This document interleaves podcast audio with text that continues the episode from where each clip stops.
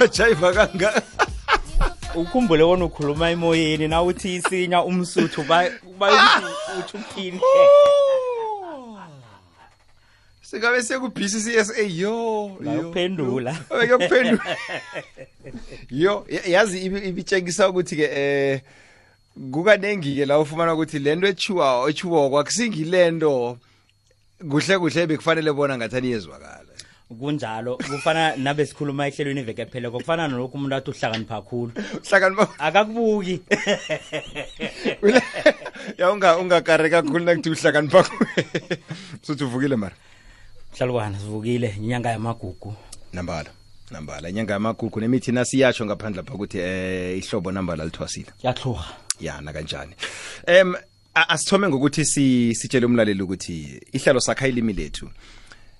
Libuyela eh, elange libuyela elangelanga lesibili. Iye. ya njenge njenge njenge kanyini njenge indlela ejayelekile kovele ukuthi lisuka ngomvulo libuyela labe likhona kwekuthomeni iya njengoba besitshidele eh lawa abakhangisako awasesibuyela kwanje esigeni. Bese yithoma kuhleke ngoba nasiyithoma kuyinyanga yamagugu. Umlaleli uyazibona nasikhuluma isakha elimi lethu ngenyanga leyamagugu aye siqale khulu ukusetshenziswa kwelimi lethu ngokwendabuko yalo nangokwesiko lalo. Ngombana ke haye kuzwakale kwangathi sicoca umlando namasiko kanti isiko alihlukani nelimi ilimi alihlukani nesiko. Kumagugu wethu la ngenyanga le yamagugu hayi kaningi hayi sithi nasikhuluma ke lokho siqale khulu endabukweni.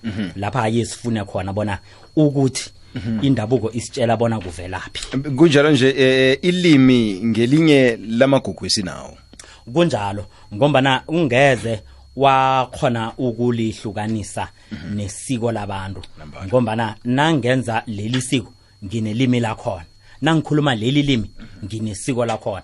Kaningi-ke kuba budisi-ke um kangangokuthi na ukukhuluma ilimi nofana eh, eh, uthi ulikhuluma kangangani ungazi isiko lakhona. Ngombana lokho kwenza bona ungazwisisi into okhuluma ngayo. Ngombana kuzokufanele ulazi ilimi lesiko lelo ulazi isiko lelimi lelo ukutsho bona kusasa ngokora past 2 sisoke emoyeni nehlelo sakha ilimi lethu. Kunjalo. Eh into ekhona ukuthi umlaleli sibona ukuthi sim- sim- simtshelele ehloko. Eh bona ke sibuyela esikhathini esifaneleko sibuyela esikhathini semhleni.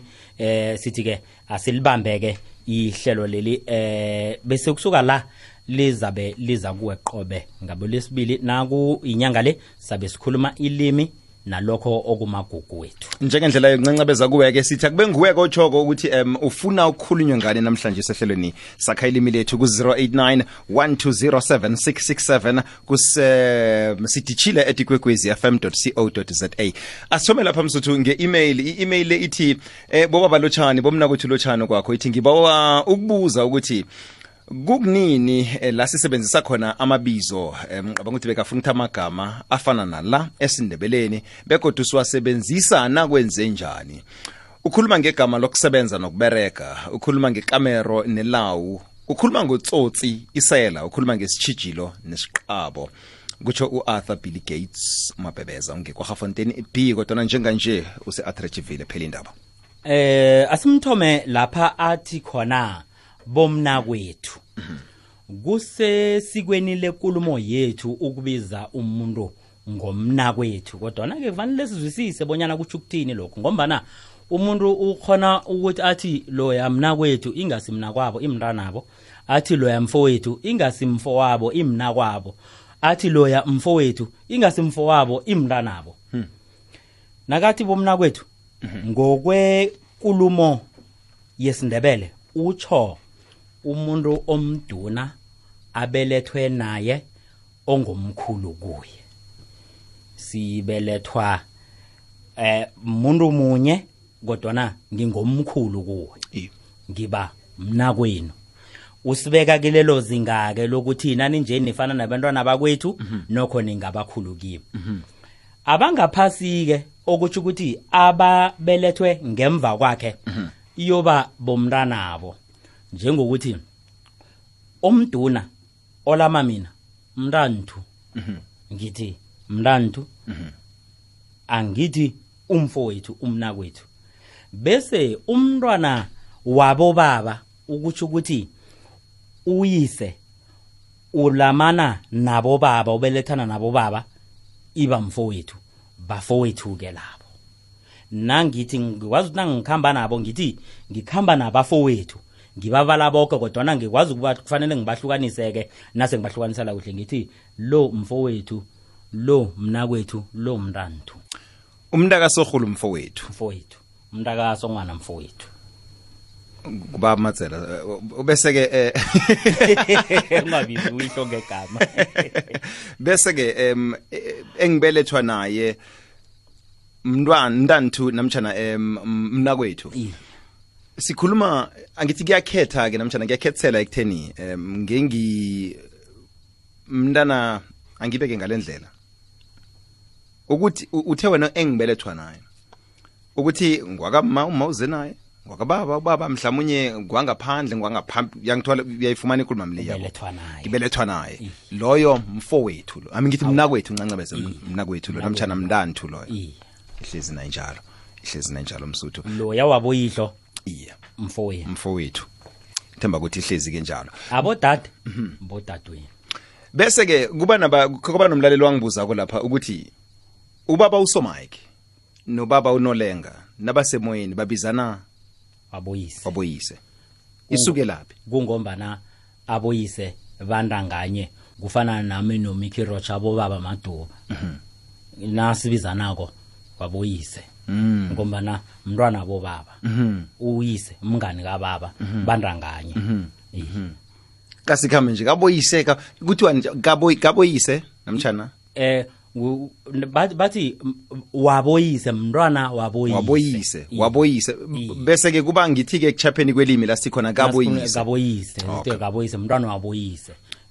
Kukhuluma kukhuluma abantu abadala bathi lo umntwana waboyise. Aboyise bandangani Mm, hlezi kamnandi nanjalo. Asiye emagameni abuza ngawo lawo mabhebeza ubuze ngokusebenza ukubereka pheze sikhuluma kaningi ke lokho eh ehlelweni sakha ilimi lethu. Kunjalo ekwakhiweni kwelimi nasikhuluma ngokubereka sikhuluma ngelimi elikhulunywako. Okuyinto ekhona kiwo woke amalimi lokhu okubizwa nge-spoken language. Bese siba nelimi elihlelekileko nelinzinzileko. Nasikhuluma ngokunzinziswa kwelimi sikhuluma ngokusebenza. Siyazibona ke lokhu abantu ba abakhona ukukwamukela ngombana bakuthatha ukuthi eh ku ngelinye ilimi ngokungokuvela kelinye ilimi.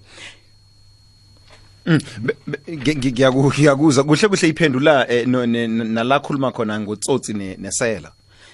Sekukuthi kuhlukileke ngombana eh nasikhuluma ngotsotsi eh ngizama ukufuna bona lilimi liphi leli ngoba nalingifanela nilimi lelokuchini ngiyala ngi- into engitshoko ukuthi lilimi ofumana ukuthi lisebenze isikhathi eside kwangangokuthi ligcine selithathwa kwangathi kulilimi elisemthethweni negama elisemthethweni ekufanele libe khona elimini. Kanti sinalo igama elitsho umuntu owenza isenzo leso.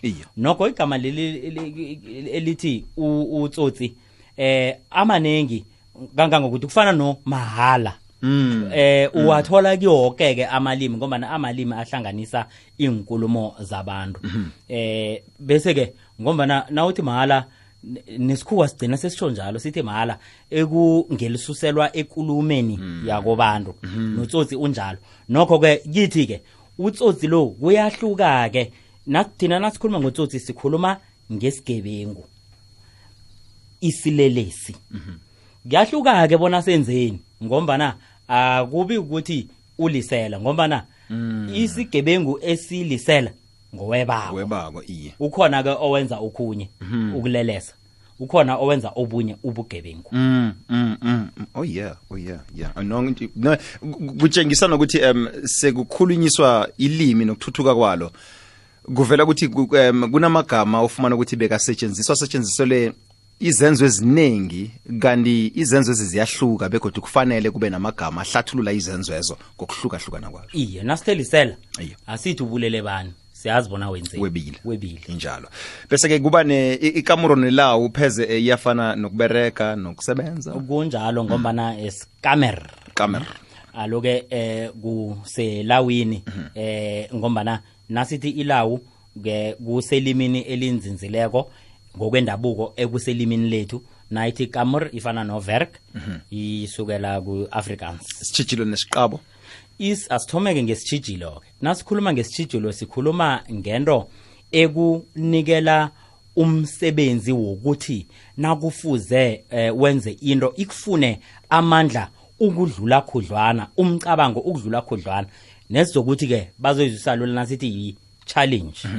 Kodwana isiqabo yinto ekukhandelako bona ungakhoni ukudlula ungakhoni ukwenza. Ngilokhu-ke ngesikhuwa bazokuthi yi-obstacle. Mm. yinto ekuvimbako. Zihlukile zombili ke ziselimini lethu kodwana zitsho into efanako. Enye iyakuqaba itsho bona iyakukhandela. Enye iyakutshijila itsho bona cabangisisa faka amandla bona uphumelele singaba sitshijile kunjalo Is- awa. isiqabo sikuliya nje singaba sibe yi-challenge kuwe? Iye kodwana sekuyi eh kulumofaniso ke ngoba nase sewuyifanisa. Ngesikhuwa ke godu kulapha bayo ukuthi sewuyenza figuratively Oh. ngombana uyifanisa nesitshijilo. Nesitshijilo. Izwakele msuthu. Asathe nomlaleli ku-089 120 7667 sakha ilimi lethu lotshani? Iyeche mhlalokwana nomsuthu. Baba. Izothokoza. Eh magubele thokoza wonele sithokoze makubela nguni? Sasa eh. Igubelo yini igubelo yini mnguni? Eh igubele sisitho nasa esidliwabo umkhozi ngeswini inyama kuhle kuhle edliwabo umkhozi nevane bazokulobola ingeze nganaba nayo khulu okwanje. Okay. Hawa amagubelo nakya nakya bayawasika lapha sabo khupha amagubelo la. Mnguni. Magubelo kwezo kwamagama nakamabili nasingizwa khona amandebele sekathi siyasukuma. Eh ngazi nasithi siyasikima. Ngiyothi kodwa into ezabasithi bhadala ngizwa thina ngazi ukuthi siyabhadela.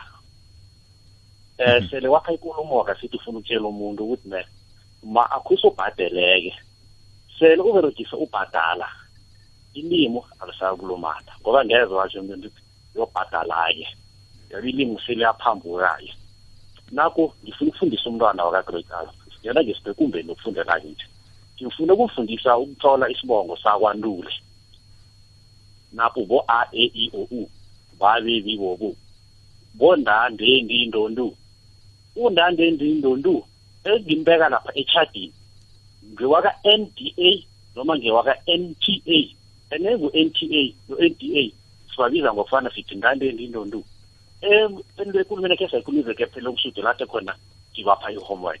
Bambe lapho umdlalo kwa eh, eh magubelo as asithome ngale ogcine ngayo le. Ngibawa nawubabiza konke eh ngabo ndandendi abo eh NT nabo ND bakho ubabize. Bese ungitshele bona ilimi lakho nawubabizako lihlezi endaweni yinye ngendlela efana kona azidume azidume magubalo sinathi isikhathi yakama magubela emagubela oh amagubelo ngiyathokoza. Amandebele sikazivumela imlethu lethu siphambukise iinanazelo zethu. Nakunomdlalo wekani uyeza khe sijayeze iinanazelo zethu nangenyanga nangenyanga yangamasiko. Singalahlekela singalahlekelwa zinanazelo zethu and sizazi ukuthi isibongo sinje sinanazelo sakhona siphi. Singafundisi singathi ngakosobantu abomatshiya amahle nanzekhetha sizazi. Kubela-ke magubelo eh untani nonda awa akunala kuthinda khona ngokufana. Ngiyathokoza. Ngiyathokoza. Awa injalo uziphendulile. Nasiza kuthi sizibiza kokufana asizihlole kokufana ikhibe ilimi alenzi into efanako. Yangibetha. Bese Ntuli umntwana wantuli ngimfundisa njani ukujubhula igama bona athome isibongo sakhe? Esithomo eyesithomo njengesiphi nanje nangikuphendulile.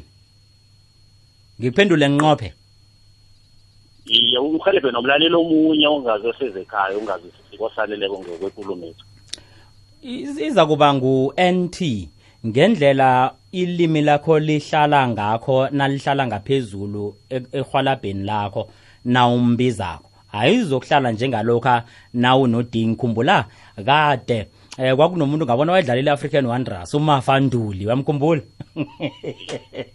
umafanduli Ngwa- ngwakwazulu umafanduli eh angazi ngokwazulu mafanduli na ngoba ngicanga ukuthi wayedlala e- ezinye ngiqhema lezi ngizakhe ke ngibuza iganahla bese ke bakhona ke abanye ke namhlanje nabatlola unduli lo bamfake ud bamenze unduli kuno nduli ngombana wafaka ud netone iyachuguluka ngombana ngekhe ngathi ngi- ngifake ud nangithi indaba ngifake ud bese ngithi indaba ngiyokuhlukanisa ngani? Ngoba no-d uyongehlisa iyokuthi indaba ngafaka uthi iyongikhuphula ithi intuthu intundu angizi ukuthi indundu ngoba ufaka ud ud uphasi.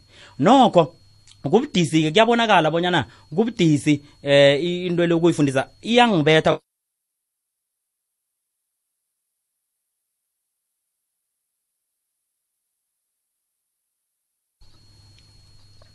ingabe nguntuli kuphela nondala No. awa muzweke undala banontuli ayifani wathi ndala uba phasi ngebanga lodi loya. U- u- u- untuli waba ngothi ngebanga likathiloya uphezulu ngikwenzele into ozoyizwa msinya ngithi mina indaba ak- akuzukufana ngoba ngendlela ilimi lithinta ngakho ngemlonyeni. Okay. Ngiyathokoza siyathokoza mnguni Thokoza. thokoza magubelo eh msuthu msinyazana kune email lapha ethi em ngibawa na nabahathi ke bacheche Ngiya- ngiyathokoza Mr mnumzana uMahlangu RV use sibetha mthetho se se- sesifunda selimpopo. Uthi em kunala uzwa kusithiwa em sele kuthomile ukufungiswa kwa MSN Mnangagwa. Kunokuthi umuntu athi ukufundisa kwaka MSN Mnangagwa. Nakaqedako uveza uveza nephuzu linye lapha eh, nekuyinto evama ukwenzeka ke le uthi nase ubiza isikolo mhlawumbe njenge-wor School Overfall kuba yini kanti uqeda ukuthi wor School nakaqedako uthi Overfall angazi uyangifumana na okutsho ukuthi nase kuyi-wor School Overfall injalo ngu Word School Overfall akusingu Overfall namtjana Overfall oh uyayithola ikulume ikulumo enjalo em, Iya. ya kodwa ke ya awa asazi ke ukuba mhlawumnye enze isibonelo ngalelo? Ngombana eh liza ngipha umraro kancane. Eh ukwenza njalo. Ngombana ngicabanga ukuthi umraro ilimi lesibhuru elinawo ngilo nathi esinawo. La kutholakala amagama we Africans achugululwe enziwa isingisi. Nangabe ngizwisisa kuhle. Ye ngizwa nini senikhuluma isikhuwa ngempumulo andisathi vetwatersrand senithi wit waters